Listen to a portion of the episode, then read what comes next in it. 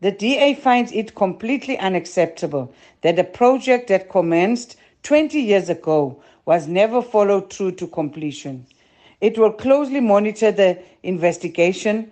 We call on the MEC to ensure that it is carried out independently and timelessly. Residents of Nkomazi deserve justice. Those who will be found implicated in any wrongdoing should be brought to book regardless of their political affiliation.